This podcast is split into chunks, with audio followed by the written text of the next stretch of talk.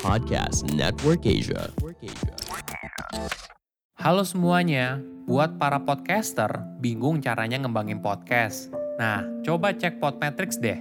Jadi, Podmetrics adalah platform yang bisa membantu kamu mulai dari ngeliat performa podcast kamu, nentuin berapa harga red cardnya, hingga monetisasi konten dengan merek yang cocok.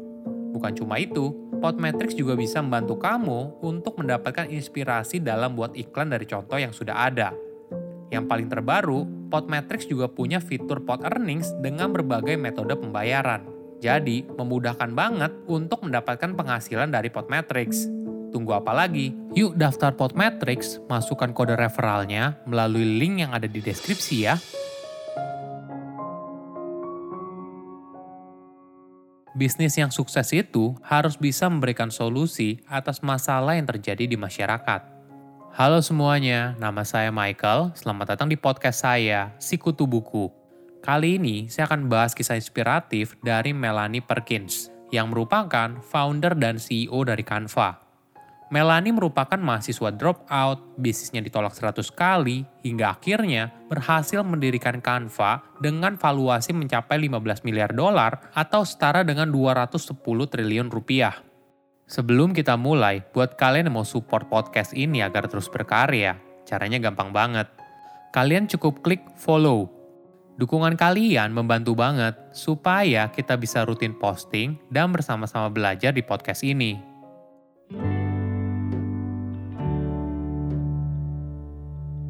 Melanie Perkins lahir pada tahun 1987 di Australia. Dia merupakan anak yang gemar berbisnis. Pada usianya 14 tahun, Melanie mendesain dan menjual shell buatan tangan di kota kelahirannya. Petualangan bisnisnya pun berlanjut ketika dia menginjak bangku kuliah. Kehidupan di universitas bagi sebagian mahasiswa berisi pesta, teman kuliah, kelas, dan yang lainnya. Tapi bagi Melanie, itu adalah fase desain dan penemuan. Saat itu tahun 2006, Melanie dan pacarnya sedang belajar di sebuah universitas di Perth, Australia. Di waktu luang tersebut, dia mengajar program desain kepada siswa lain dan saat itulah dia menyadari betapa frustasinya dalam mengajarkan desain menggunakan software yang ada, misalnya InDesign atau Photoshop. Bahkan, untuk menemukan satu tombol pun bisa menghabiskan waktu yang lama. Sebagai gambaran, murid harus belajar satu semester hanya untuk menjadi familiar dengan semua tombol yang ada di program tersebut.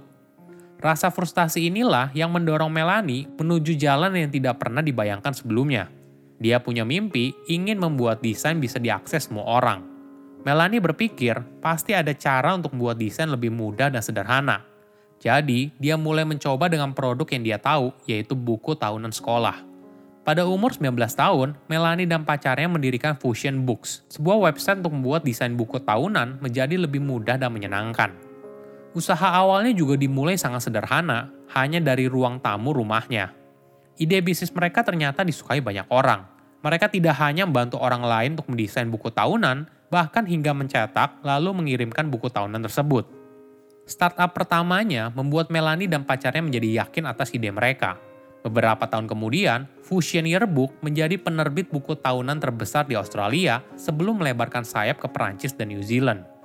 Bisnisnya semakin sukses hingga akhirnya Melanie memutuskan untuk drop out dari kampusnya dan fokus membangun bisnis.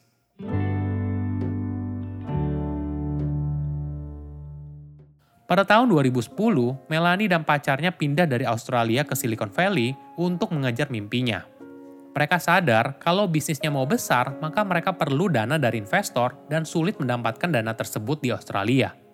Saat berada di sana, dia menyadari adanya perbedaan budaya antara Australia dan Amerika. Di Australia, masyarakat di sana tidak terlalu suka membanggakan pencapaian pribadi. Namun di Silicon Valley, ketika kamu ingin mendapatkan dana dari investor atau merekrut karyawan yang berkualitas, kamu justru harus benar-benar menceritakan kesuksesan yang sudah kamu capai. Dia juga merasakan sendiri betapa sulitnya mendapatkan pendanaan bisnis untuk Canva. Bahkan dia pernah ditolak hingga lebih dari 100 investor.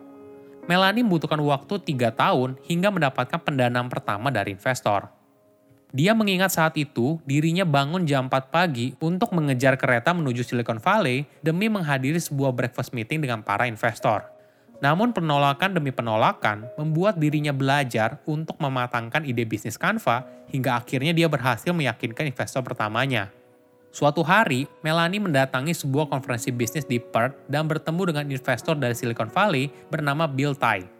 Melanie berusaha untuk menarik perhatian Bill dan mempresentasikan ide bisnisnya yang bernama Canvas Chef, sebuah metafora pizza dengan elemen desain sebagai topping dan jenis dokumen seperti selebaran, kartu nama, menu restoran sebagai adonan.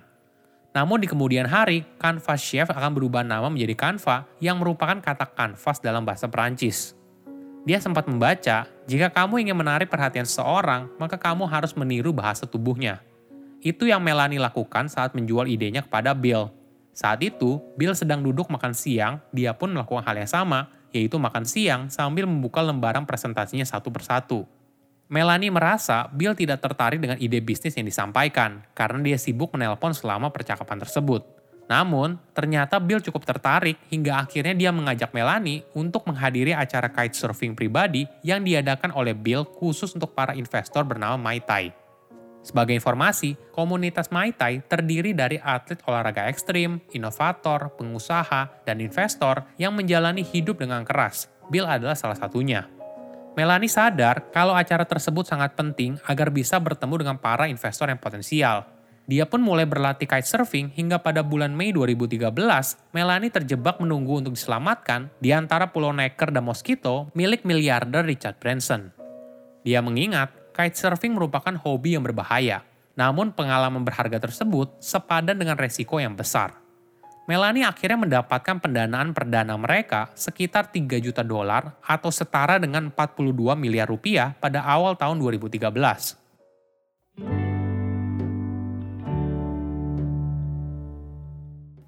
Di balik kesuksesan Canva, yang tidak banyak orang tahu, resep suksesnya juga berada pada waktu peluncurannya yang tepat.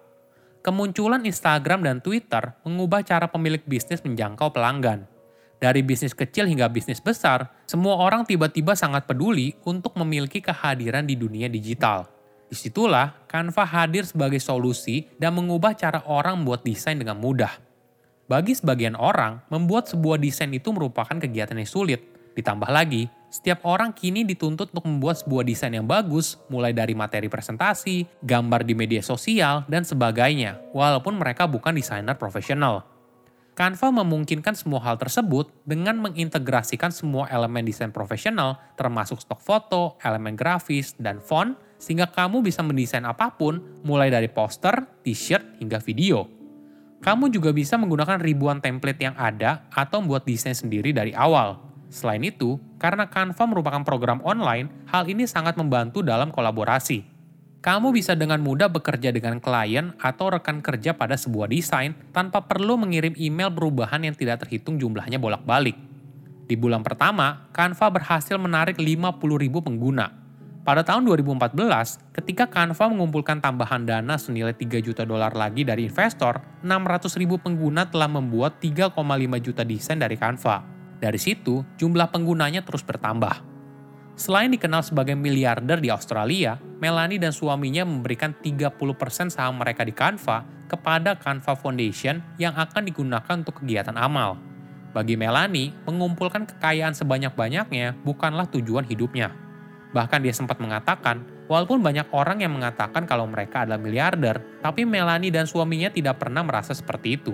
Karena bagi mereka, uang tersebut hanyalah titipan belaka Rencana pertama Canva adalah untuk mendonasikan 10 juta dolar atau setara dengan 140 miliar rupiah kepada organisasi nirlaba Give Directly untuk didistribusikan kepada keluarga ekonomi rentan di Afrika Selatan. Bukan hanya itu, Canva juga berkomitmen untuk menanam satu pohon dari setiap pesanan cetak yang dilayaninya. Hingga saat ini telah mencapai lebih dari 2 juta pohon. Perubahan zaman membutuhkan cara baru dalam bekerja, sebuah bisnis baru bernilai apabila mampu menyelesaikan masalah yang terjadi di masyarakat. Saya undur diri, jangan lupa follow podcast Sikutu Buku. Bye-bye. Pandangan dan opini yang disampaikan oleh kreator podcast, host, dan tamu tidak mencerminkan kebijakan resmi dan bagian dari podcast Network Asia. Setiap konten yang disampaikan mereka di dalam podcast adalah opini mereka sendiri dan tidak bermaksud untuk merugikan agama, grup etnik, perkumpulan, organisasi, perusahaan, perorangan, atau siapa pun dan apa pun.